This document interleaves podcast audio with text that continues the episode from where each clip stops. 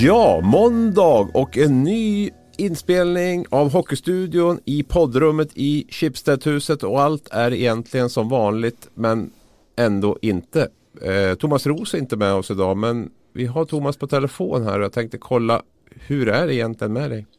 Nej, jag har ju eh, tidernas eh, magsjuka eh, från hin håle kan man säga. Eh, för första gången någonsin så har jag faktiskt avbrutit en, en en eh, jobbmatch jag var ute på. Det var i, i torsdags i Linköping. Så, så, så tog jag två eh, Alvedon där och deras utmärkta kommunikationschef Gustav. Då, men det hjälpte inte. Så jag, jag åkte hem efter andra perioden. Då. Det, det, eh, det har varit några jobbiga dygn nu, men eh, jag ser ljuset långt borta i tunneln. Vad hade du för streak Thomas? Vet du det? Många matcher i rad? Nej, det vet Är det Ironman-varningar på 700-800 matcher i rad eller? Ja, ja precis. Jag, jag brukar inte vara, eh, bli krasslig faktiskt. Um, ja, jag vet inte, jag har någon sån här stålkista på något sätt och jag brukar aldrig, jag tror inte ens jag har en vabbdag eller en sjukdag sen jag började på Aftonbladet för 21 år sedan. Så att, eh, ja, någon, någon, dag ska, någon gång ska man första falla. Det är skit.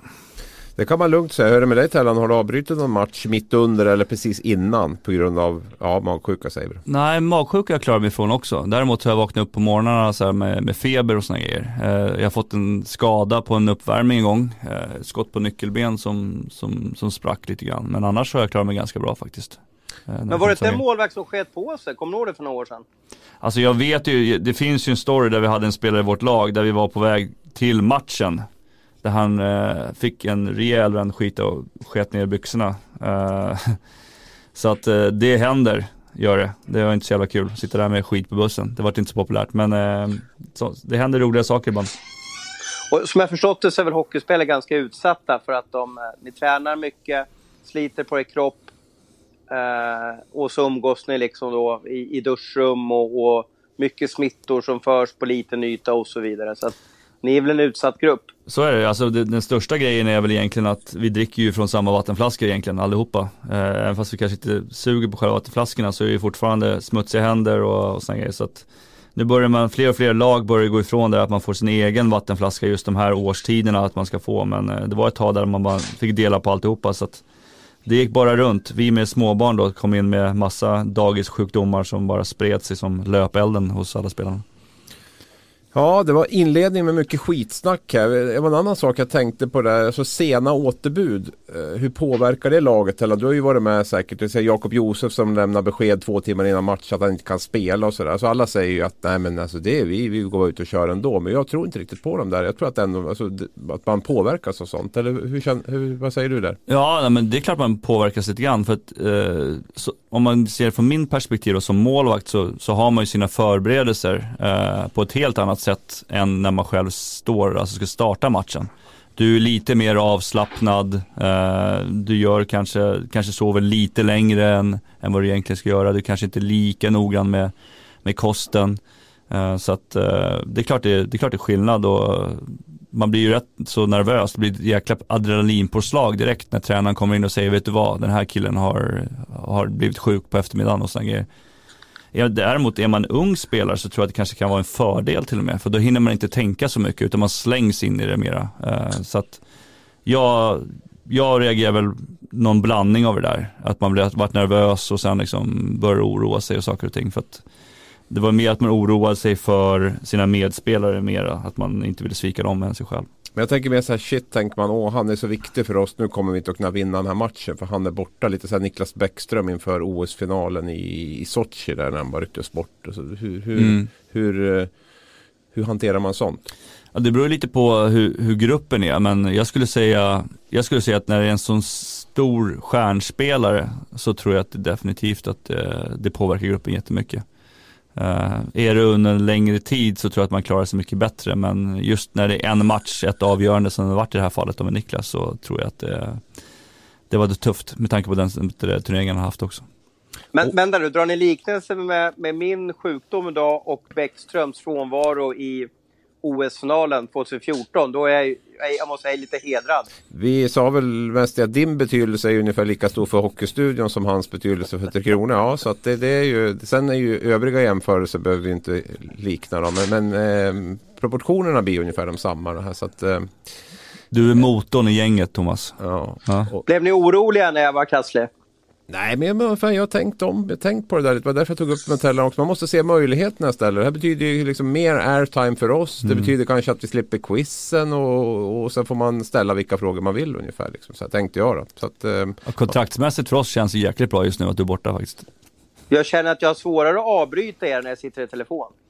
Ja, vi har lite makten nu när vi sitter så här och, eh, och eh, har lite kontroll över dig på ett annat sätt. Men det är lite ovant också att- driva programmet framåt här. Men vi ska nog lyckas med det hoppas jag. Vem, har, vem har tagit min stol? Vem tror du? Abris? Rätt. Jaha. Thomas, du Ja, nej. får se om du är tillbaka nästa vecka överhuvudtaget. Alltså, det här När, känns... när, ka- när katten är borta då springer råttorna på... Ja, den tog jag snabbt kan jag säga. Den Ja, Abel snackar också om att det är väldigt viktigt att du är riktigt frisk innan du kommer tillbaka, så ta den tid du behöver. Ja, vi ska ju eventuellt ut och podda här i, i veckan Thomas. Så att jag, jag hoppas ju verkligen att du liksom spritar händer och verkligen blir helt frisk här. Vi ska se vad min fru har köpt sen hon kommer hem. Jag är så sjukt med, med hand, så här äh, våtservetter och, och allting. Så att jag, jag har blivit ett proffs på, på sanering nu. Det blev fem minuter snack om allt annat än hockey egentligen. Jag försökte få in lite hockey där men det var mycket sjukdomar och eh, hur tåliga vi män är mot sjukdomar och hur sällan vi är sjukskrivna och vabbar och lite sånt där. Men nu måste vi komma in på hockeyn, eller hur Ros och Tellan? Jajamän, nu kör vi. Ja, Eh, bör- jag tänkte börja med Mörka November här. Det är ju en sån här klassiker. Eh, alla pratar om den och, och sådär. Och det, det, jag tycker ju att det är definitivt årets tråkigaste månad. Det är den jag skulle helst bara vilja ta bort om jag fick välja en månad att ta bort. Det, det ska jag villigt erkänna. Men eh, hockeyn är ändå ett litet ljus i mörkret där. Ehm, eh, men vi tittar på tränarsparkningarna börjar komma igång på allvar här nu. Alltså det är nu tre allsvenska lag som, inom, som har sparkat tränaren. Och inom ett dygn så har både AIK och Mora, Mora skickat sina tränare. Ehm, nu är det inte lika myspysigt längre som det är på de här upptaktsträffarna när alla är nöjda och glada och, och man tror på sitt lag och sin tränare och sådär. Nu, nu börjar det bli lite skarpt läge. Men AIK har ju varit ganska länge under luppen där med, med deras tränare som, som fått, man har hört lite gnisslingar om att de har tränat extremt hårt innan matcher på dagarna och, och sådana grejer. Att, eh, att spelartruppen inte gillar det och så får man inte de resultaten när man tränar så här hårt, då blir det då blir det inget bra till slut. Ehm, och sen uh, till råga på allt och ingen, ingen publik på matcherna. Så att de har det tufft AIK just nu, det får man lov att säga. Vad känner du Thomas? man funderar ju på vilket lag som har gjort den största jo- jojo-resan i svensk hockey. Vi har ju bland annat Björklöven som vann SM-guld 87 och så åkte de ur, och jag tror det var 89 eller någonting. De, de klarade sig ett år och sen åkte de ur. Eh, AIK var ju totalt bäst i Hockeyallsvenskan förra året och var ju liksom millimeter från att ta sig till ett avgörande playoff mot ett SHL-lag. Då. Sen i år så är de ju, de är ju galet sämst också. Det går ju inte att prata bort. Alltså den förändringen som AIK gjort där och man tappade stora hjärtat Christian Sandberg. Nej, Jag, jag tycker att det är tragiskt, oerhört tragiskt. Oavsett vilken, vilka klubbfärg man, man, man håller på, vilka klubbfärger man håller på, så är det ju att, att se den här anrika föreningen tappa precis allt. Jag, jag tycker att det är så tragiskt. Ja, AIK gick ju lite all in verkligen förra säsongen. Satsa alla pengar man hade och lite till på att ta sig upp i SHL. Eh, misslyckades med det, var ju nära att slå ut Oskarshamn och få möta Timrå där. Eh, och sen, sen känns det som att den här säsongen kanske man nästan inte hade råd att genomföra överhuvudtaget. Det har ju varit en, en, budgetvariant av lag och både på Jo, men om, tränarsidan. om Västervik klarar att sätta ihop ett lag som är okej, om Kristianstad klarar att sätta ihop ett lag, om Vita Hästen, då ska väl AIK klara av det också. Jag tror man jobbar från andra, en annan plattform om man är i Västervik eller Vita Hästen eller, eller de lagen du nämner. Där, där vet man från början att man, man jobbar med små medel och man, man, eh, man vet att man ska försöka undvika kval och sådana saker. AIK står ju på en helt annan eh, plattform när de, när de ska förväntningsmässigt vad, vad, vad folk förväntar sig av dem, vad fansen förväntar sig och sådär. Så att jag tror att det är svårt att jämföra de två ändå. Jag tror att det började lite redan förra året eh, i, i kvalifikationen där uppåt där, där man har hört att, att sportchefen var lite in, involverad i eh, laguttagningar och sådana grejer också eh, förra året. Eh, vi har en målvakt som Erik Källgren som spelade förra året som, som var egentligen första keeper nästan större delen av året men hörde att efter första matchen att de, de ville att de skulle plocka bort honom liksom. Eh, så att det, jag tror att det har varit lite schism där ett ganska lång tid tyvärr utan de behöver reda ut det där och lite som Thomas säger, nu har jag extrema färger åt andra hållet men jag tycker någonstans att det behövs fler lag i Stockholm.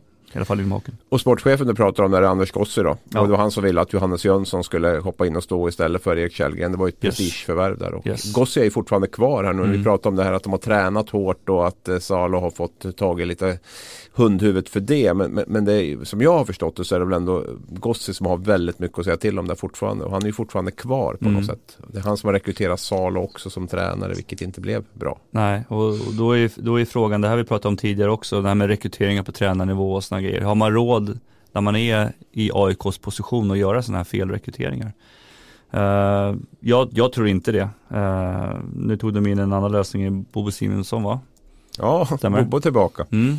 Det är också jo, apropå Jojo. Mm. Uh, men uh, vi får väl se om han kan få dem att, att lyfta och komma in en, en, en annan röst då. Uh, men nej, AIK hör inte hemma så här långt ner i Allsvenskan. Men jag vet att vad jag har hört så har de ju letat tränare en ganska lång tid. Jag, jag, jag tror att när Gosse slutade som ASS-tränare och de flyttade upp J20-tränaren till, till eh, A-laget tanken var nog då att de skulle trycka in en ny A-lagstränare. För jag hörde nämligen att ett, ett extremt eh, intressant namn blev tillfrågad att ta över eh, laget då, men, men tackade nej då. Eh, kan ni gissa vem det var? Eh, någon gammal AIK-profil kanske så här Mattias Nordström eller, nej, eller, eller runt, Dick Ternström? Nej, han har varit runt i extremt många klubbar men jag tror inte han har varit i AIK. Han är född 1973 i Hofors. Är det Andreas nu, Johansson. Eller? Andreas Johansson. Finns bara en 73 från Hofors, så det är Andreas. Det finns inte många från Hofors överhuvudtaget. Nej, det, det, nej, nej. nej men du har helt rätt. Ja. Andreas fick förfrågan här för några veckor sedan och, och, och mm. var inte intresserad.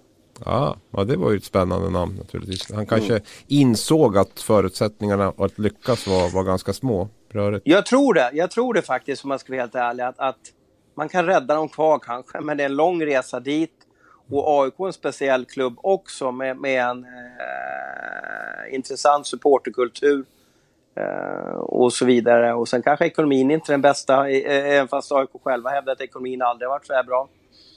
Eh, mm. Så att, eh, ja, jag vet inte vad man har att vinna på det. Men jag tror inte att de har kanske haft så lätt att kunna sälja in sin, sin klubb till nya tränare. Sen finns det ju inte så många nya tränare. Du såg ju Mora nu tog Tomek Valtonen exempelvis. Då. Det, det, ja, vi alltså, kan väl prata lite om Mora där också. Du hade fått lite dåliga signaler om, om Tomek där. Ja, eh, jag tror att det kommer att bli tufft för Moraspelarna framöver. Och det finns ju en omdiskuterad eh, situation i, Finland och det har ju aldrig varit, blivit bekräftad.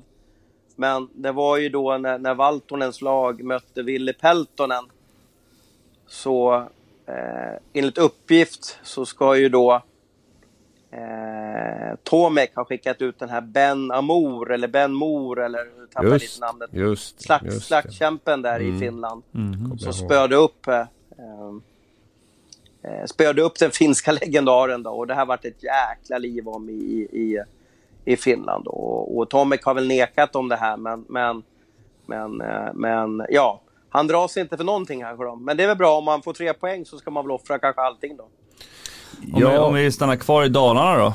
Uh, tränardöden i Dalarna, kommer den ligga kvar tror du Thomas? Du som har lite koll på Leksand där uppe också. Med tanke på ja. uh, Roger ja, Melins uh, uttalande här sist med att han skämdes ja. att han stod i båset. Jag bollar väl tillbaka den. När han, ja precis. Är det där, säger man det där kvart i tolv? på, på, på sin tränarkarriär i klubben bara för att lite ge upp? Eller var det exakt så han kände? Eller vad, hur, hur tolkar ni det? Ja, jag, ju, jag, vi har ju pratat lite grann om Magnus Sundqvist och det här och liksom hänga ut spelare och kanske grann och att man är på väg att tappa omklädningsrummet. Och jag, jag, jag, tolkar väl lite, alltså för mig blir det ju uppgivet det där. Så det i det läge Leksand är som nykomling och, eh, och, och sådär så tycker jag att det är förvånansvärt att han, eh, att han uttalar sig som, så som han gör. Sen är det befriande naturligtvis med, med, med tränare som, som, som, säger vad de tycker. Men jag tycker rent taktiskt så, så, tycker jag inte att det var, var speciellt smart av honom. Han är ju en känslomänniska Roger på, på många sätt sådär. Men, men det, där, det där andades uppgivenhet för mig. Jag håller helt med. Det kändes det kändes här som spelare, man ska läsa det där efterhand, bara shit, har han gett upp? Och så har man lite tankar på själv att det har varit tufft liksom. Då är det så här, oj, känns som att vi håller på att sjunka här nu. Uh, så att nej, jag, jag gillade inte det ur ett spelarperspektiv. Gillar jag inte att, gillar jag inte att tränaren säger, han får gärna säga att vi har spelat dåligt eller något sånt här, men just, just det där uttrycket vart fel. Uh, väldigt fel tycker jag. Och, eh, Leksandsspelarna var ju inte påslagna och då funderar man på vems uppgift är det att, att se till att laget är påslaget? Är, är, det, är det bara spelarna eller kan tränarna göra någonting för att elda igång dem? Eller, eller vad är det som gör att man inleder den första perioden och är totalt tokuselt? Nej, men jag tänker ju så här också, det har ju precis varit en, en vecka off liksom från, från serien också. Då, då ska man ju komma tillbaka full med energi. Full, nu har vi liksom jobbat ihop oss, nu har vi åkt iväg på någon liten miniresa tillsammans eller vi har varit ute och käkat middag och försöker skapa energi liksom. Och det vart det ju inte alls. Utan eh, det är också så här varnings, varningstecken kan jag tycka. Eh, det, man borde ha haft mer energi kan jag tycka den här första veckan när man kommer tillbaka jag kan väl tycka att det är ett delat ansvar i det där på, på, på något sätt. Va, som du är inne på. Eh, spelargruppen är ju den som ska drivas och ska se till att förberedas och inför matcher. Men, men ledaren är ju den som ska känna av hur är det idag? Hur, hur långt fram är spelarna? Hur laddade är de? Och därifrån justera. Ibland kanske inte behöva gå in alls. Ibland, ibland kanske gå in och ta ett garv för att få ner. För att han märker att stämningen är för laddad, behöver slappna av. Och ibland komma in och eh, och elda igång spelarna lite grann. Och det är klart, det är ju inte lätt. Men samtidigt, det ska ju inte vara lätt att vara SHL-tränare heller. Du, du tjänar en bit över 100 000 i månaden och, och, och, förväntningarna på, på lag och så ska ju vara höga. Och där tycker jag att det, det, är väl det som, är, som utmärker de här lite större ledarna. Att de, de är duktiga på att känna av det där. Men svaret på en fråga Tellan, jag tror väl att Leksand, eh, och det vore tjänstefel annars, kollar vad finns det där ute. Mm. Det gör... Nu har man förlorat några lördagsmatcher här mot Djurgården och, och ja, mot HV. Det har varit fullsatt. Det är väldigt mycket pengar som står på spel en lördagsmatch i, i, i Tegera Arena. Vi har julklappshandeln som kommer snart. Det är ingen som köper en Leksandshalsduk när eh, Leksand är ett loserlag. Det krävs att man vinner så blir det glädje. Leksand är ett av de lag i, i hela SHL som drar in mest pengar på souvenirer. Så det här är rent eh, affärsmässigt extremt viktig period för, för eh, ja, alla SHL-klubbar också när det handlar om souvenirer. Kommer du eh, ihåg det? ja, fortsätt. Men sen är frågan bara, ja, vem ska ta över då? Är det, ja, är det Micke Karlberg eller är det... Man har ju slängt bort Örjan Lindmark till, eh, till Mora och Christer Olsson till Örebro så att det finns väl inte just nu någon så här jättenaturlig att ta över. Men för, för att försvara Roger lite grann där, när Thomas byggde det här laget så tog han faktiskt in ganska många rutinerade spelare just för att han visste om att det skulle blåsa under säsongen. Det, det hade han nog på känn, att det skulle vara liksom lite upp och ner och sådana grejer. Så att även de spelarna måste ju ta, ta sitt ansvar lite grann som Abris inne på också, det här att, att, att steppa upp också, att, eh, att leda laget så att det inte bara blir Roger liksom. Men eh, det är just själva uttrycket som, som jag kritiserar här, att man, hur, man, hur man tar det. Jag har ju inte känt att det har funnits den där riktiga superkemin mellan Roger och de här etablerade spelarna någon gång egentligen under säsongen. Jag var på den här kringelkuppen där i Södertälje som heter något annat nu, Skoda Trophy eller något sånt här. Och redan där var han ju väldigt kritisk mot, mot eh, just de här etablerade spelarna med, med, med Zachrisson i, i täten där och, och så. Och eh, jag tror det var Ritola och Wenström där som spelade ihop en kedja eller någonting. Och han, han var ju ute och svingade redan då. Va? Och jag, har, jag har inte riktigt känt att eh, att det har klickat mellan, mellan ledare och eh, de ledande spelarna. Och det, jag hade någon intervju med honom i, i, eh, i höstas här och då har han ju, han har funderingar på att det här är sista säsongen, eh, Roger. Då. Han, han är ju en bit över 60 nu och hade väl tänkt att pensionera sig ja, för ett år sedan när Leksand ringde. Och det är väl klart att börjar man bestämma sig för att Nej, men nu ska jag lägga av så det gäller att ha brinnet varje dag när man går till jobbet. Eh, speciellt som hockeytränare. Annars är det så svårt att leverera. Men, eh, men eh, om ni minns för ett år sedan så höll ju Tjomme Johansson fast vid Leif L. Karlsson, eller Leif Karlsson väldigt länge också innan, innan han drog i, i i, i sparka snöret där. Jo, men han, då hade han ju precis kommit in Thomas också. Så hade han, hade han varit där längre kanske det hade gått fortare. Nu vill han väl ändå bilda sin egen uppfattning där och eh, då radades förlusterna upp under den tiden. Men, men jag tror att det påverkade nog hans beslut att, att, att just att han var så färsk där. Nu, nu har han ju ändå varit i Leksand ett tag. Samtidigt är det ju en Thomas Johansson rekrytering Roger Melin och det var det många som var förvånade när han valde att skriva ytterligare ett år med honom. Att han tog in honom förra året för att Eh, liksom lösa upp en ganska infekterad stämning och situation i Leksand. Det, det, tycker jag är en sak. Men att han förlängde, eller skrev två år där, det, det var väl många som var förvånade över. Och det var säkert kanske en, en deal för att överhuvudtaget kunna få Roger dit. Så, så kanske han var tvungen att skriva ett år till Thomas. Men jag tror att tittar jag på det sättet man har spelat med Djurgården och hur han har jobbat där ihop med Joakim Eriksson så, så är det kanske lite av en annan tränare egentligen som, som eh, en tränartyp som han eh, var ute efter tror jag. Till SHL i alla fall. Vad säger du om mål, målvaktsduon där? Juvonen och Brage och Tellan? Ja, jag, vi var ju lite inne på det i förra podden vi spelade. Jag tror att de tittar på andra. Att nu vart ju Justin Pogge klar för, för Södertälje här och jag trodde på någonstans att han eventuellt skulle landa i Leksand.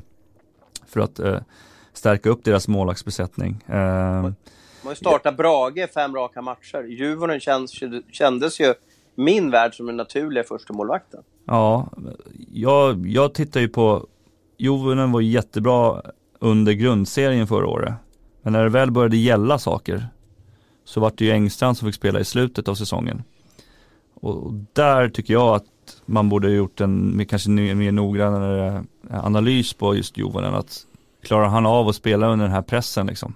Eh, Mora all ära, men Leksand har lite mer fans, de har lite mer eh, lite mer sådär så att jag, jag rent spontant så tycker jag att det var, det var en konstig rekrytering faktiskt. Eh, jag hade nog satsat på någon lite mer etablerad och sen behållit eh, Brage som, som andra keeper då. Eh, men ja, det är ju lätt att vara efterklok så här och sitta och kolla nu men jag tycker att eh, det inger ingen trygghet. Alltså om man tittar på senaste matchen 4-0, man ser hur alla backarna backar hem. Det blir som en en mur framför Juven och hur ska han kunna se då? Och det tycker jag är ett tecken på att man inte riktigt litar på sin målvakt. Att man backar hem för mycket. Att det blir som att nu måste vi blocka skottet. Så även fast mig... man vill väl så gör man liksom en otjänst ändå för målvak målvakten. Mm. Jag fick en, en sån där uh, gilla min sida-förslag igår på, på, på Facebook och den kom från Eddie Leck då. Uh, han har ju startat någon fastighetsmäklar firma, eller har blivit fastighetsmäklare i alla fall, Arizona. Uh, annars har ju han kanske man skulle se honom som en drömvärvning om man ska komma tillbaka till, till Leksand. Då. Men nu kanske han är mer intresserad av, av husförsäljningar. Då. Ja, det verkar vara lite inne bland hockeyspelare. Bremberg har väl också öppnat mm. nytt inom mäklarbranschen mm. så att det verkar vara, verkar vara the thing att göra efter. Ute på ön där jag bor så har han sin. Ja. Mm. Men, men eh, om vi stannar med målvakter generellt då, för jag menar Oskarshamn. Nu är det du som tar upp det Thomas, bara så du vet, inte jag. Ja, mm. men eh, jag kan scouta en back och jag, kan, ja, jag är bäst på att scouta en forward tror jag. Backar har lite svårare att se, men målvakt jag har skitsvårt att avgöra liksom, vad som är en bra målvakt och inte. Vad, om du ska hjälpa liksom då Thomas Johansson, och vad, vad, ska han tänka på när han ska, när han ska köpa ny målvakt? Nej, alltså jag, jag tycker en sån här sak som hur man är som person utanför isen också är jätteviktigt. För att som målvakt så, så har du det här med att får du laget med dig så kommer de göra det här lilla extra för dig hela tiden också. Uh, så att du inte bara är en, en bra målvakt men att du är även en, en bra person. Uh, så ja. får, du med, får du med dig väldigt mycket. Så jag tror det är jätteviktigt att man ringer runt och kollar vad är det här för typ av målvakt som, som, uh, som finns. Liksom. Vi, det finns ju säkert, jag menar du har ju Anton Forsberg borta i, Carolina som har kört fast där. Nu sitter han i och för sig på ett envägskontrakt men skulle man kanske kunna ta upp telefonen och ringa honom inför nästa år liksom om de hänger kvar. Eh, det är ju en jätteintressant värvning eh, i sånt fall liksom. Så att ja, det, finns, det finns några målvakter där borta som Jo men vadå, ska man bara avgöra på om man ska vara trevlig i omklädningsrummet? Här måste Nej, naturligtvis, klart, klart det måste vara bra målvakt också, men någonstans där om man vill få in den här lagkänslan, bygga ett lag, så behöver man ha en ledare där bak som, som alla mer eller mindre kan stå bakom liksom. Så att jag tycker att det är, jag tycker att det är en viktig del i rekryteringen som kanske många förbiser. Det kanske var därför en av problemen förra året, att det inte funkar så himla bra i, i Timrå för, för Svedberg liksom. Man funkar inte så bra med den gruppen där uppe. Nej, nej. Vi får väl se med Leksand också. Jag menar, det är nykomlingar. Vi har tippat dem näst sist. Eh, de flesta av oss här och eh, de ligger där nu och det är klart att tåget börjar gå så. Samtidigt så, så, så kanske man inte ska ha för stora förväntningar på dem heller. Det som är oroväckande tycker jag är att, att de inte får bättre utdelning på några av de här eh, nyckelspelarna som de ändå har lagt väldigt mycket pengar på.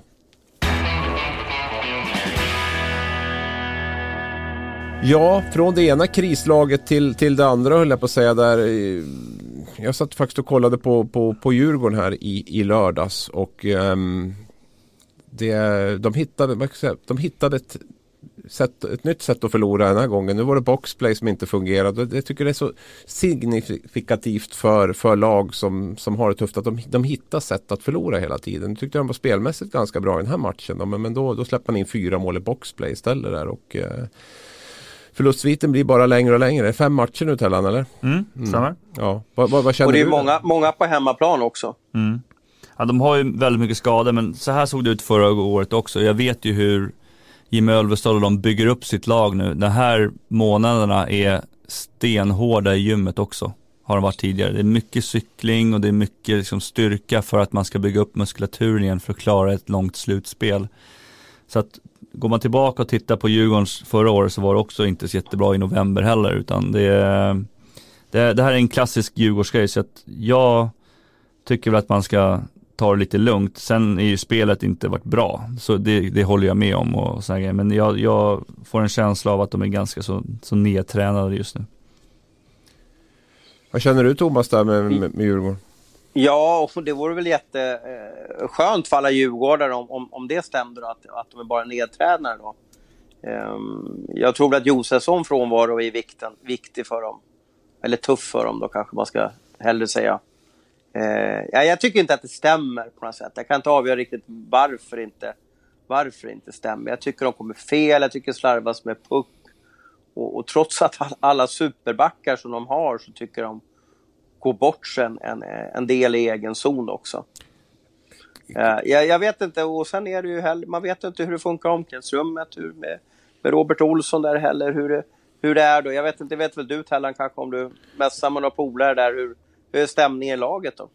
Ja men det, det, det, är inga problem, det har aldrig varit problem. Men jag tror att det är, jag tror att det är mera det här med, med nedträningen. Uh, sen, sen är det ju visst, man kan ju se på vissa av de här spelarna, om man tittar väldigt noga, att de åker och skakar lite grann på huvudet och, och visar kanske lite dåliga signaler, eh, kan jag ju tycka. Det är väl det, om, det, om det är någonting som jag letar efter där så kanske det kan vara det då. Eh, ledande spelare som, som borde liksom ut med bröstet även fast det går tungt liksom och att man inte får den här passningen som man vill ha. Eh, det är väl, om man ska sätta på någonting så är väl det ändå det som jag tycker är lite oroväckande. Du, du är ju helt rätt person att fråga här också. Handen på hjärtat och Stefan Nyman, hur mycket saknas han tror du i det här? Jättemycket. Mm. Jättekort svar. Mm. Du har varit inne på det tidigare och hört, uh, ja, han var ovärderlig för det här laget. Uh, sen ska man ju ge de nya en chans att komma in i det också. Nu har ju Nyman varit där väldigt länge och byggt upp en viss, viss kultur eller vad man vill kalla det för. Men uh, han var enormt viktig han satte väldigt höga krav på sina backar. Men fan om det var någon som sa någonting elakt om dem, då var han där och skyddade dem med, med murar och alltihopa liksom. Och det händer rätt ofta på bänken att det kunde sagts någonting fram och tillbaka, ja men då var det tillbaka direkt, men sköt dina spelare istället liksom. Mm. Och det här hörde ju spelarna. Då fick han ju med sig dem, även fast de kanske inte alltid höll med så fick han ju ändå med sig dem. Och Stefan Nyman är backtränaren då från, som var där i väldigt många år och eh, numera finns i Lugano då, ska väl förtydliga. Jag, jag tror också den där noggrannhet. Jag var såg Skellefteå här i lördags och vi har ju, det har ju varit så här sarkastiska röster om att det är liksom så dubbel-Bert-effekt under hösten här. Att Skellefteå går bra och Linköping går uselt liksom och man tar det till Bert. Och jag såg Skellefteå mot Brynäs så tror jag att de bjöd på ja, fyra eller fem mål i alla fall på ett sätt som jag nästan aldrig har sett Skellefteå bjuda på mål tidigare för. Samtidigt som, och det, det är lite samma sak jag är inne på det att det är ganska så här mysigt och skönt i början när man får bort dem där. För både Nyman och Bert är ju väldigt jobbiga. Alltså mm. de, de, ställer ju väldigt stora krav. Så att mm. säga att de är jobbiga personer. Men de, de ställer väldigt stora krav och de, de, kräver mycket. Och jag tror att i början kan det vara ganska så här mysigt och skönt när de är borta. Man får, man får softa lite och, och sådär. Men sen kommer den här lite kalla verkligheten i kapp. Mm. det tror jag vi ser lite tendenser till i både Skellefteå och Djurgården skulle jag vilja säga. Ja, jag håller med. Det var väldigt många mål de gjorde precis framför målvakten. Fick bara stå och sprätta upp liksom och det var ingen i närheten heller. Så att, nej, det var någonting på vägen. Det här låter exakt som när, när Lars Lennart skulle, skulle förklara hur han såg på NHL-proffs i Sverige under lockouten 04-05. Normally being a little extra can be a bit much. But when it comes to healthcare, it pays to be extra. And United Healthcare makes it easy with Health Protector Guard fixed indemnity insurance plans. Underwritten by Golden Rule Insurance Company, they supplement your primary plan, helping you manage out of pocket costs without the usual requirements and restrictions like deductibles and enrollment periods. So when it comes to covering your medical bills, you can feel good about being a little extra. Visit uh1.com to find the Health Protector Guard plan for you. För då menar han på det att eh, ta att ha NHL-proffs i Sverige, det är precis som att kissa på sig. Det blir varmt och skönt i början, sen blir det kallt och blött. Mm. Jo, det, det är lite så det kan vara faktiskt. Så att, eh, sen hade vi ju en uppmärksammad comeback här i lördags också. Vi får ju inte, vi får inte glömma den heller på något sätt. Det, är ju, det händer ju grejer runt, runt Dick Axelsson. Och eh, ja, vad säger du Thomas? Om du ser något mellan spyorna? Ja, eh, jag fascinerades över, jag kollade nog ingenting på, inte så mycket på, på, på Djurgårdens match. Jag eh, blippade lite fram och tillbaka. Och sen på kvällen eh, så kollade jag för övrigt på Ryssland-Belgien i fotboll och då kan jag bara säga att Belgiens landslag de har just nu i fotboll, nu är det här hockeyboll, ah, det är ju helt galet. Vilket, vilket fantastiskt landslag de har. Men det, strunt i det. Eh, Ja, man sitter ju och funderar på, eh, är det här ett bevis på att SHL är dåligt eller är Dick en sån ett fysfenomen och en typ av svensk Mario Lemieux som bara kan vara borta ett halvår eller ännu längre eh, och sen bara jag comeback. Jag, jag, jag, jag har inget svar. Jag, jag, vet, jag, jag vet inte riktigt. Jag tyckte det var... Vad skrev du på Twitter AB? Skrev han, spelade han över 20 minuter? 2022 vill jag minnas att det var. Mm, exakt. Ja, ja, ja. Eh, jag, antar att han levde på någon typ av eh, superendorfiner liksom där som, som var tvungen att och, som gjorde att han orkade så mycket. Jag, jag är svårt att förstå hur det ska funka när man inte har tränat hårt, att man orkar med ett SHL-tempo. Men det, igen, vi har väl någon i, i omklädningsrummet där, eller på ett båset där som, kan, som, som, bättre kan avgöra det än vad, vad jag kan avgöra. Det var ju som, det var en ganska kontrollerad debut från, från honom. Det var inte att han får runt som någon galning där och, och liksom, utan det, han, han körde på med sitt som man brukar göra och kom rätt tycker jag i de flesta situationer och sådär. Och, och, som sagt 20, över 20 minuter på en forward i SHL idag det, det, är, mm. det är ganska mycket va? eller det är mycket. Så att, eh, att han orkar det i det läget som han kom in i det är ju, det är ju bara att bli imponerad. Men eh, han har ju en spelstil också som, som inte alltid liksom kräver total mjölksyra när man kommer till båset varje gång. Det, det, ska vi väl säga. Men lite så spelade han. Det var som att han inte hade varit borta från isen. Det såg ut ungefär lika, lite likadant som i slutet på förra säsongen. Mm. Ja, det, det som blir, det blir ju hur han håller över tid här. Eh, oftast kan man ju som, som ni är inne på att man kan komma in i en match och och känna liksom att fan nu kan jag spela på adrenalinet här. Eh, det som är viktigt med att vara vältränad är ju återhämtningen liksom. Hur återhämtar man sig till nästa match? Eh, och sådana grejer. Jag menar, jag vet ju att han har tränat hårt, det, det har han ju gjort. Men det är fortfarande det här med att få match, matcher liksom på samma sätt. Nu har jag ju spelat någon match med några veteraner och, och sådana grejer, men att spela på den här höga nivån match ut och match in. Det, det blev det riktiga testet men jag tycker att det är kul att se Dick tillbaka. Han får ass direkt till, till Hultström där som smällde till den direkt. Så att, um, nej, han, han behövs för SHL på något sätt. Var det rätt av Djurgården att ta in honom? I det läget de är nu, ja det tycker jag. Uh, de har många borta. Uh, Holst har inte gått lika bra på slutet som han gjorde i början. Uh, Bemström kommer nog troligtvis stanna kvar borta i Nordamerika. Uh, så att ja, jag tycker nog att det är nog en, en bra lösning. Vad säger du om kvaliteten på SHL, Thomas? Ja, men den är väl, och, det är väl tråkigt att säga, vi, vi har en nära vän och kollega som, som alltid brukar dra den rubriken varje år, SHL sämre än någonsin. Men, men så blir ju SHL på grund av att vi tappar så mycket kompetens år ut och år in. Vi, vi har väl 100 spelare i NHL, kanske 50 i AHL, kanske 30 spelare i Ryssland och, och eh, Schweiz. Så att jag menar, då, då är det ganska många Tre Kronor-landslag vi har frånvarande från SHL. Eh, och så vidare. Eh, men det är ju så tråkigt att säga att SHL är sämre än, än någonsin också måste jag säga. Ja, vi kan väl säga att de här bra spelarna tror jag de kan komma in och spela. Jag tror att tar en toppspelare i NHL behöver inte ta Conor McDavid kanske, men, men någon i närheten. Jag tror att en sån spelare skulle kunna vara borta ett halvår och komma in i NHL och, och, och göra det bra på en gång. Det är jag faktiskt ganska övertygad om. Vad, säger du emot mig det Tellan, eller vad, vad, tror du? Ja, lite grann. Vi hade ju William Nylander förra året som, som var borta ett tag. Det tog lite tid för honom att och, och komma in i det. Jag tycker att eh, det är en helt annan spelare i år om man ska jämföra det med, jämför med, med förra året. Men... Samtidigt tror jag han var lite märkt av den här jobbiga, liksom, infekterade konflikten. Jag tror han kände en enorm press när han kom tillbaka. Liksom, leverera utifrån eh, allt som hade varit där också. Att det påverkade minst lika mycket som det här fysiska och spelmässiga. Mycket möjligt, mycket möjligt. Men eh, jag tror ändå att eh, är man borta så pass länge och ska spela på den nivån som, som han är så, så tror jag att det blir, det blir svårt. Mm. Jag tror också lite som dig där. Jag tror att Dick kommer att göra tre, fyra bra matcher i början. Sen kommer det bli riktigt tufft och det har Djurgården räknat med. Det, det förstår man ju. Det, det är sista tredjedelen man, man verkligen hoppas att han ska, ska mm. vara som han var förra säsongen. Och jag tror att vi kanske överskattar Djurgården lite grann också. Jag vet inte. Jag får, jag, jag får ju för mig att de kommer att få ihop. De har, haft, de har haft lite oflyt med skador. Det, det har andra lag också haft. Men, men, nu försvann ju både Strandberg och Haga här senast. Josefsson som Rosa var inne på tror jag betyder enormt mycket för det där. För han är den som han är den som leder det där laget. Det blir väldigt mycket tuppar i hönsgården nu tycker jag. Och spelare som inte visar så där bra karaktär. Topp, eh, några av de här toppspelarna tycker jag som du säger också åker och skakar lite mm. på huvudet och inte tar sitt ansvar. Va? Det gör de inte när Josefsson är med. För då, då eh, då leder han laget och visar på sitt sätt att vara vad som, hur man ska vara på isen och vad som krävs för att, för att vara en djurgårdare där. Och det, det saknar jag enormt och det tror jag nog att Robert Olsson också gör.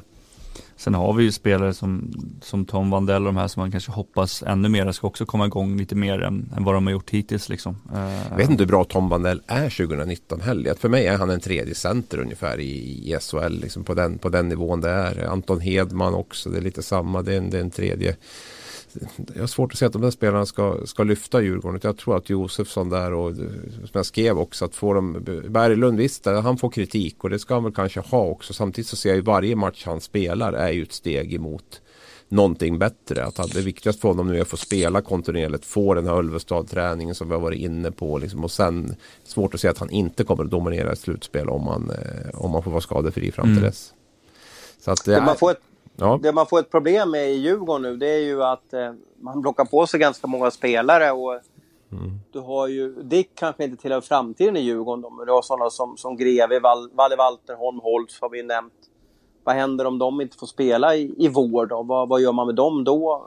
Kommer de byta klubb eller vad sker? Och så vidare. Det var ju det, jag hade någon lång podd med, med Joakim Eriksson inför säsongen och då sa han att en anledning till att de inte tog tillbaka Dick, det var att de ville ge eh, nästa generation djurgårdare chansen och, och speltid. Då. Men det blir ju tuffare nu när man börjar fylla igen platserna, när alla blir friska, om nu alla blir friska samtidigt någon gång. Mm. Jag tror Djurgården i år också handlar väldigt mycket om att vinna. Jag tror att, de, jag tror att Joakim Eriksson är väldigt inställd på att de ska vinna det där guldet. Det är den känslan jag har fått. Liksom man plockar in rutinerade finska målvakten. Man plockar in Patrik Berglund. Man väljer att ta Dick Axelsson eh, enbart tror jag, för att liksom vara ett vinnande lag i, i slutet på säsongen. Snudd på var också där. Så att jag, jag, tror att, jag tror att utvecklingsfasen får stå tillbaka lite grann i år faktiskt för den här, eh, det här brinnet efter att få, få vinna ett guld igen. För det var ju ett tag sedan mm. Djurgården gjorde det också. Så.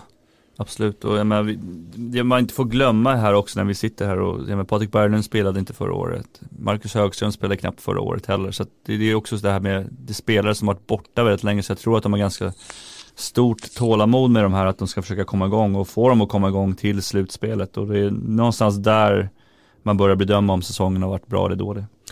Mycket negativt nu med Leksand och Djurgården och, och sådär. Har vi någonting positivt också att lyfta fram när vi stänger den här veckan från, från SHL? Vad, vad, vad, tycker du har varit mest positivt den här veckan Thomas? Jag tänker på lag i första hand. Ja, Örebro gick väl upp i, i eh, serieledning. Det var väl stort för dem. Vi har ju gnällt på Linköping många gånger. Nu har de eh, eh flera segrar i rad här och, och bjuder på på propagandahockey hemma i Saab Arena. Så att jag menar, Linköping är väl det mest positiva kanske var. Även Växjö ska vi väl nämna också som har varit ett krislag då, men lyckats ta sig ur det här. Eh, Växjö har ju alla som, ja du är, är väl en av den kategorin människor nu också Abris, som, ja, som älskar underliggande eh, statistik och avancerad statistik. Eh, man har ju bara sagt att ja men vänta, Växjö kommer komma och alla de har ju fått rätt nu. Nu har man ju vaknat till liv nu. Eh, men Linköping måste jag ändå ge, på grund av allt de har förändrat på spelarsidan och, och, och, och hur långt ner i skiten de har varit, att de har lyckats ta lite fina skalper nu har ju varit, varit imponerande vi är ändå inne på Linköping där och så vi, om vi ska grotta ner oss i underliggande statistik där så kommer de att få tufft att vara, vara bra över, över tid här nu för deras eh, course är ju inte rolig på något sätt. De har haft ett enormt powerplay här och även mm. bra boxplay som, som har, jag tror de har 67 procent i powerplay. Sex av nio mål har kommit powerplay efter uppehållet här och, och var bra även före uppehållet. Så att en stor del i deras den här vinst, vinststreaken är ju, är ju special teams powerplay boxplay där och det kommer inte att vara så högt som det har varit nu. Utan de måste upp spelmässigt också. Och Måns har gjort viktiga räddningar, viktiga ja. tid, tidpunkter i matcherna. Och vad händer om han inte kan leverera på samma sätt igen? Då står de och faller lite grann med, med honom också. Mm. Så att, det är, li, det är, lite bräckligt men jag är imponerad ändå att de har, de har gått så pass bra. De har 11 poäng på fem matcher här så att, eh, ja, bra gjort av Linköping. Samtidigt är det intressant att Jonas Gustafsson verkligen nu börjar spela som den här målvakten som mm. Linköping måste ha. Yes. För det, han måste ju ligga på 93-94% om, mm. om Linköping ska gå bra. Det, ja. Vad ser du i hans spel nu som gör att han har varit så bra de fyra sista? Han har ju stått alla de här fyra Jag tycker tendensen såg den första året han kom tillbaka, då var han lite, alltså var överallt liksom. Han var väldigt sprattlig och sen, men han, han känns lugnare och saker och ting. Och han vet nog om att han ska egentligen spela varenda match, så han kanske tränar på ett annorlunda sätt också nu. Uh, han behöver vila upp sig liksom, om han ska orka med det här. Det blir tufft om man ska spela resten av matcherna här hela vägen in. Liksom. Uh. Ser du någonting i Linköpings försvarsspel också som, gör, som hjälper honom att vara bra? Nej, ja, alltså jag, jag tycker att de har spelat okej okay under år, alltså det här året ändå. Det är lite ibland att de blir lite vilsna liksom. De Tänker på inte... sistone nu här om man säger så mot Djurgården. Ja, jag, jag, tycker att de ger honom, de ger honom skytten. Alltså med det menar jag så att, att, han inte behöver fokusera så mycket på allting annat som händer runt omkring. Det är ofta det det blir liksom, när han blir lite stressad till försvaret. Eh, utan de litar på att han ska göra räddningen och sen är de där och rensar och, och, det, och som målvakt så känner du det också väldigt tydligt. Hur gör vi med quizen förresten Thomas? Mm, jag har den. Jag har den du har den och jag tror vi skulle slippa den nästan. Eh, mm. Men det, jaha, det är det så. Jag gjorde ju bort mig senast där och gick all in på, på femman. Jag, jag, jag har analyserat mig själv och tänkt vad som hände. Jag brukar inte vara en sån person som går all in sådär. Men nu gjorde jag det och eh, det failade rejält. Mm. Jag hade ju dubbelsvar förra gången. Eller innan dess när du var borta på Florida, ja, fick fel. Ja, vi har väl typ tre torskar ihop eller någonting ja. de sista tre veckorna. Det är ingen av oss som har lyckats vinna. Det är inget negativt överhuvudtaget i den här podden. Nej men vi kör den då Thomas, vi gör det. Jag vet att älskarna, älskarna, säga, lyssnarna älskar ditt quiz. Ja, och uh, den här veckan så eftersöker vi en uh, klubb Fem poäng. Bilda, och eh, igen, även fast vi inte sitter ihop nu så får ni smsa då. Den jag får först eh, korrekt sms av eh, vinner då. Fem poäng. Bildades 1977 som Grocco Hockey. Första lagkaptenen hette Håkan Karlsson. Jag får svar från Abris. Ja, kör på du. Fyra poäng. Gick upp till högsta serien 1984. Gick upp till högsta serien. Nej, kör på. Tre poäng. Laget har fem pensionerade nummer. Däribland Hans Norbergs. Fan.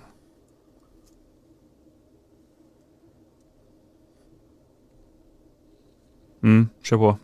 Jag har svarat men kör på det. Mm. Vi har fått Abel som svarar på 5 poäng och eh, Mikael Tellqvist på 3 poäng. 2 poäng. Laget har varit i fyra finaler, 93, 96, 97 och 2013.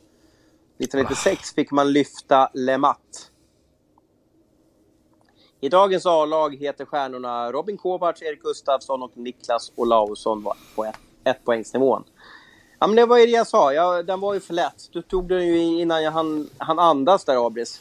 Ja, den, den, den kunde jag faktiskt. Och en anledning är att jag suttit och gjort den här Luleå-quizen som, som vi ska eh, Aha. peta ut. Men, men Grocco ja, ja, hade jag koll på. Då var det Roger Rönnberg som hade Grocco som, som eh, moderklubb också. Alltså, fan, ja, alltså de fanns ju. Grocco var ju en stor sponsor till, eh, ja, till det här laget. Så därför tyckte de att ja, men nu ska laget heta som vårt, eh, vårt firmanamn.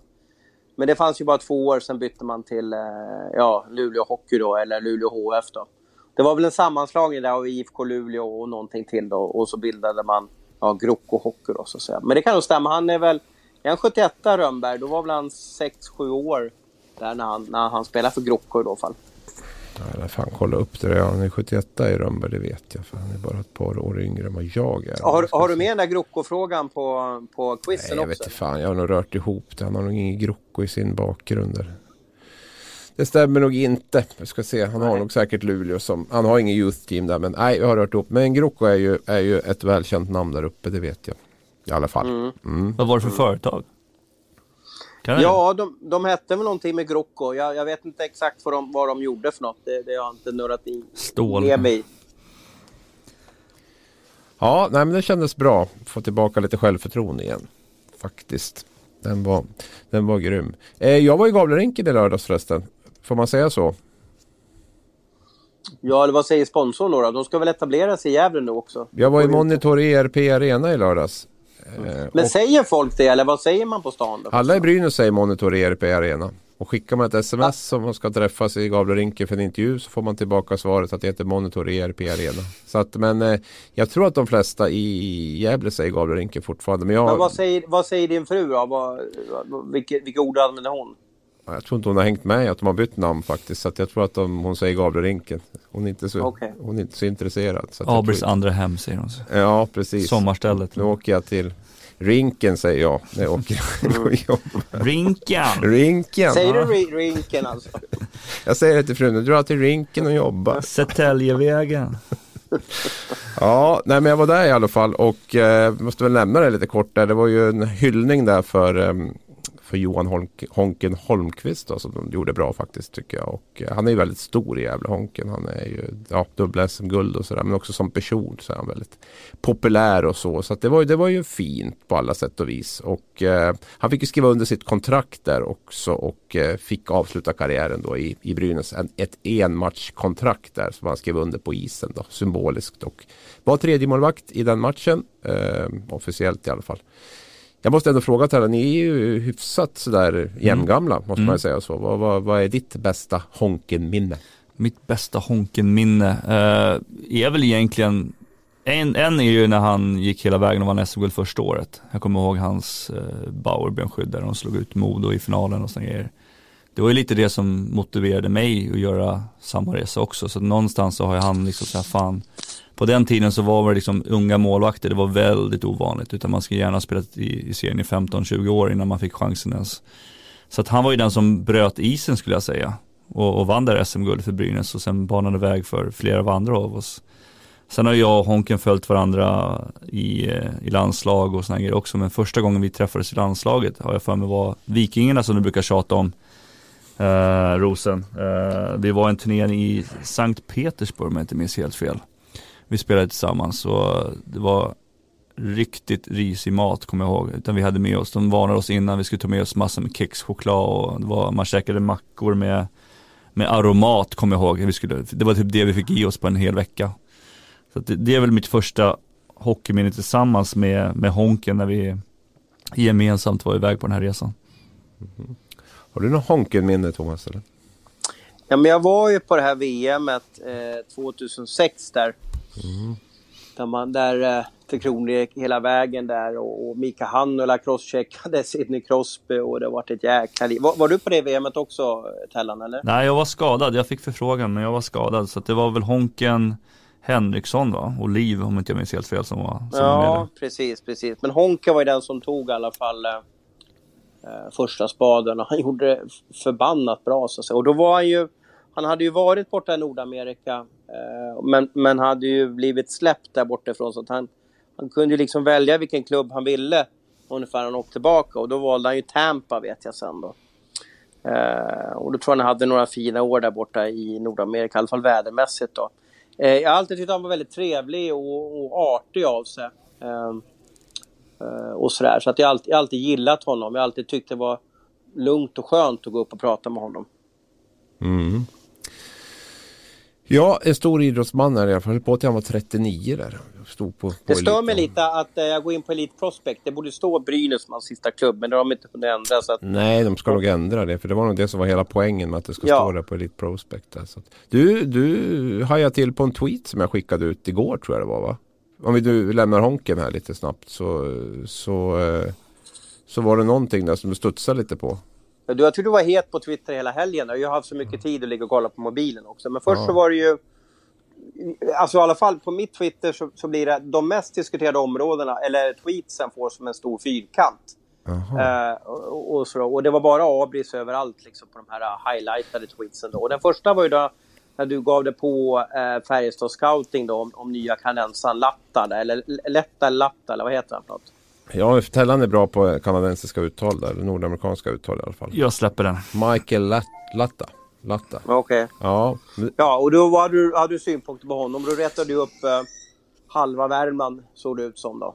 Ja, alltså får jag, för det var ju inte egentligen inte min åsikt utan det var ju en åsikt som jag liksom delade med mig av. Det var ju som att jag hatade hela Färjestad typ från vissa håll och liksom alltså det blir så stort. Jag ville bara lägga in det som en liten, jag fick, jag fick, det var en som hörde av sig spontant. Jag hade inte frågat om Latta överhuvudtaget men han hörde av sig och då la jag in den den, det sms eller den konversationen som vi hade då och eh, där han sågade honom. Det ska väl sägas också att den här personen har väl ja, lite NHL-glasögon på sig. det är klart att nivån där är ju betydligt högre än, än vad den är i SHL. Men jag frågade honom rent ut, nu är vi SHL och vi pratar om en tredje och en fjärde kedja i Färjestad. Liksom så här. Men, men han trodde inte att det skulle funka ändå. Det, här, det var en kille som inte kunde någonting ungefär. Han kunde bara, bara slåss.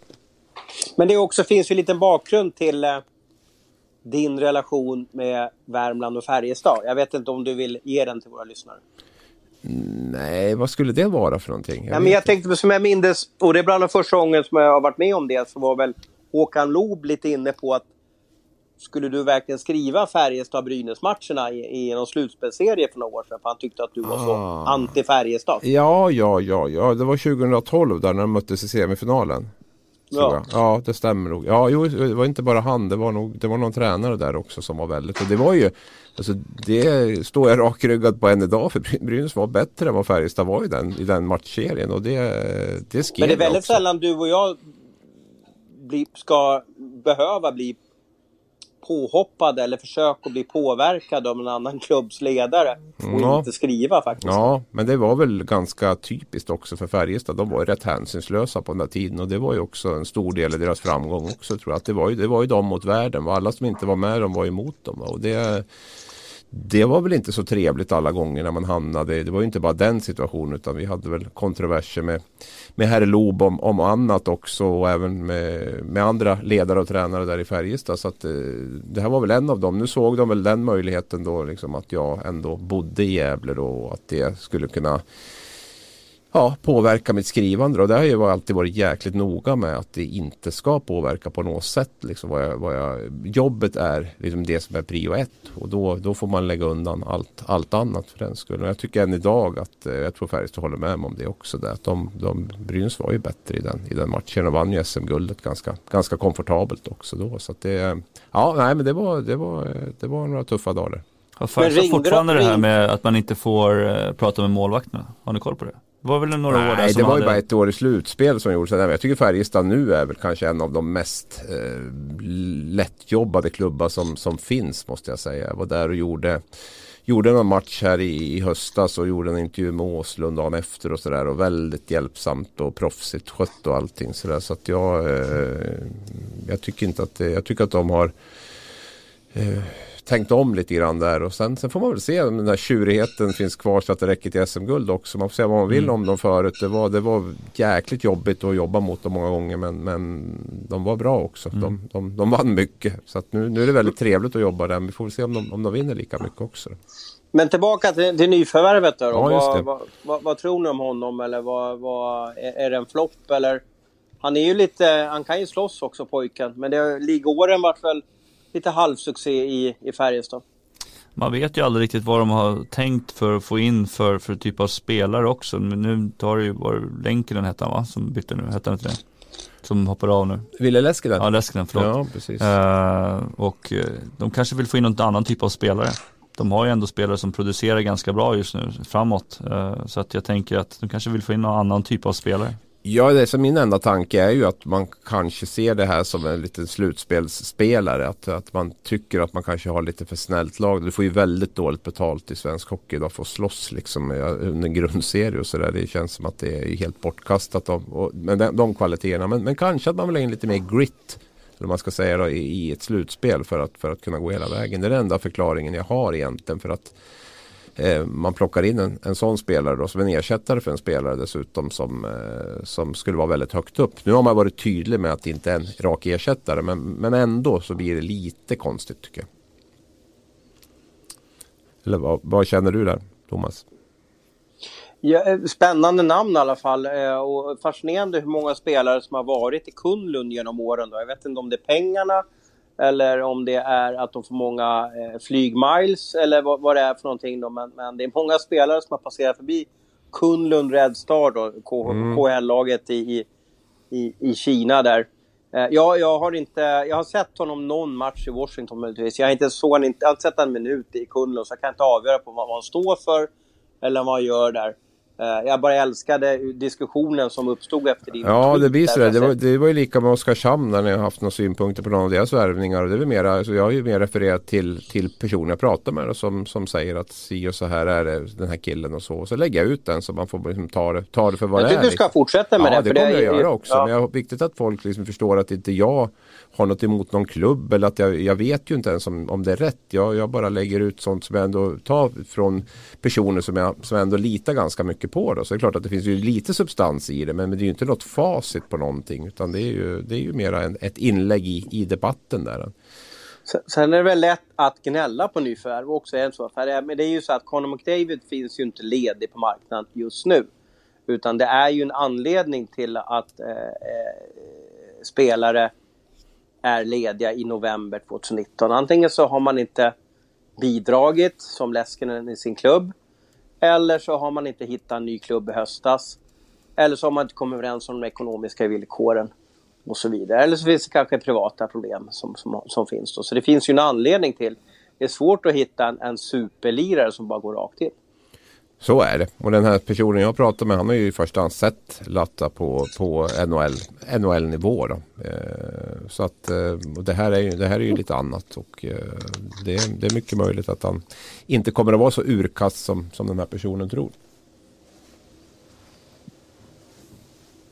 Oh, det verkar som det är lite stilt i vårat inspelningsmekanism här nu men jag vet inte om det Ja, men det, det löste sig. Det jag tänkte mer, vi börjar närma oss en timme va? Jaha, du tänkte så nu. Ja, du ser. Ja, men vi, vi, vi kör lite. Det är jag som till. håller i trådarna här nu så jag tycker att man kan, man kan dra över ibland. Alltså nu, ska vi, nu, ska vi springa två, nu ska vi springa två mil idag. Två mm. mil idag. Brennan, Brennan Kinnaman till slut. Då måste vi också ta upp lite grann kort här nu bara. Uh, jag fick ett, ett sms från en före detta elittränare där. Helt bara sådär ändå. När jag kom hem från, från uh, Monitor, ERP Arena. Uh, där han Rinken. Rinken, precis. Nu har jag kommit hem från rinken sa jag då. Så att, ehm, och där, ehm, ja den kom väldigt hux flux där med, med ehm, från honom. Han var ju rosenrasande som man säger där.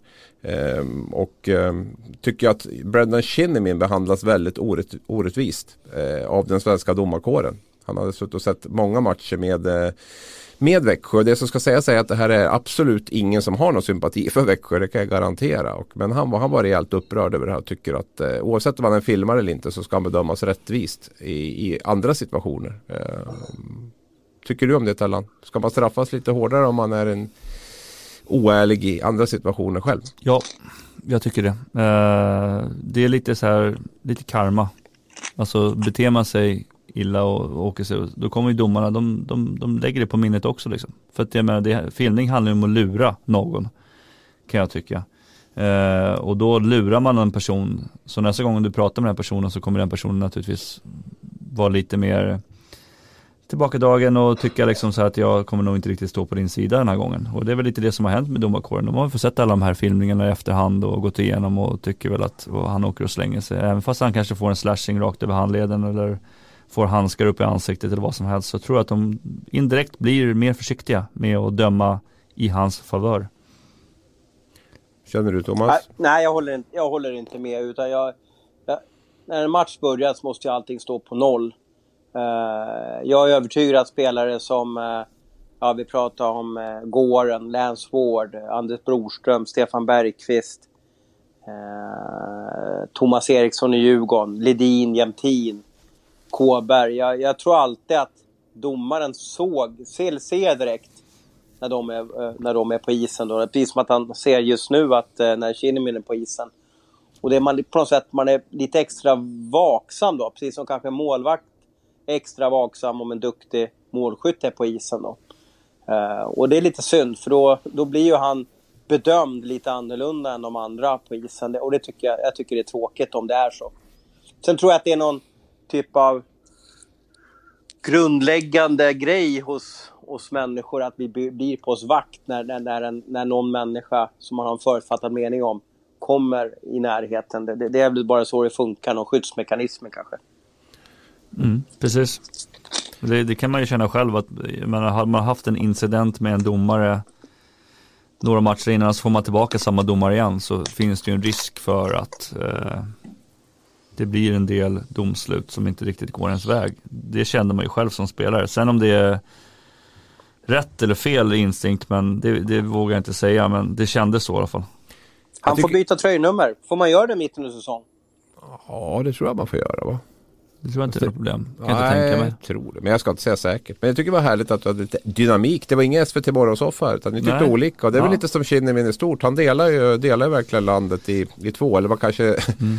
det, det är veck, antingen så är man med Kinnemin och då håller man oftast på Växjö. Eller också är man emot Kinnemin och då mm. håller man oftast på något av de andra 13 lagen. Men, det är i alla Men fall... hur var den matchen då? Åkte han ut för massa utvisningar? Nej, alltså jag såg inte matchen. Jag såg bara en situation där med, med Ryd som tror jag var som gjorde ner honom. Och antingen skulle det väl kanske ha blivit mål eller också skulle det ha blivit en utvisning åtminstone. Han fick väl ingenting av det med sig. Och det var väl kanske lite, lite märkligt. Men jag, jag egentligen, jag har sett för lite på sistone för att kunna liksom ställa en sån en sån eh, säker diagnos på om, om hur, hur, det ligger till. Om det är på ena eller andra sättet. Men den här personen som har hört av sig har faktiskt sett dem ganska mycket nu på slutet sa han. Och, eh, ja, så det var inte bara liksom, den situationen eller den matchen utan, utan eh, det, var, det var över, över tid. Så att säga. Så att, ehm, ja, nu har vi både Kinnimin och Dick i, i ligan. Så nu, nu kommer det hända grejer. grejer. Ja. ja.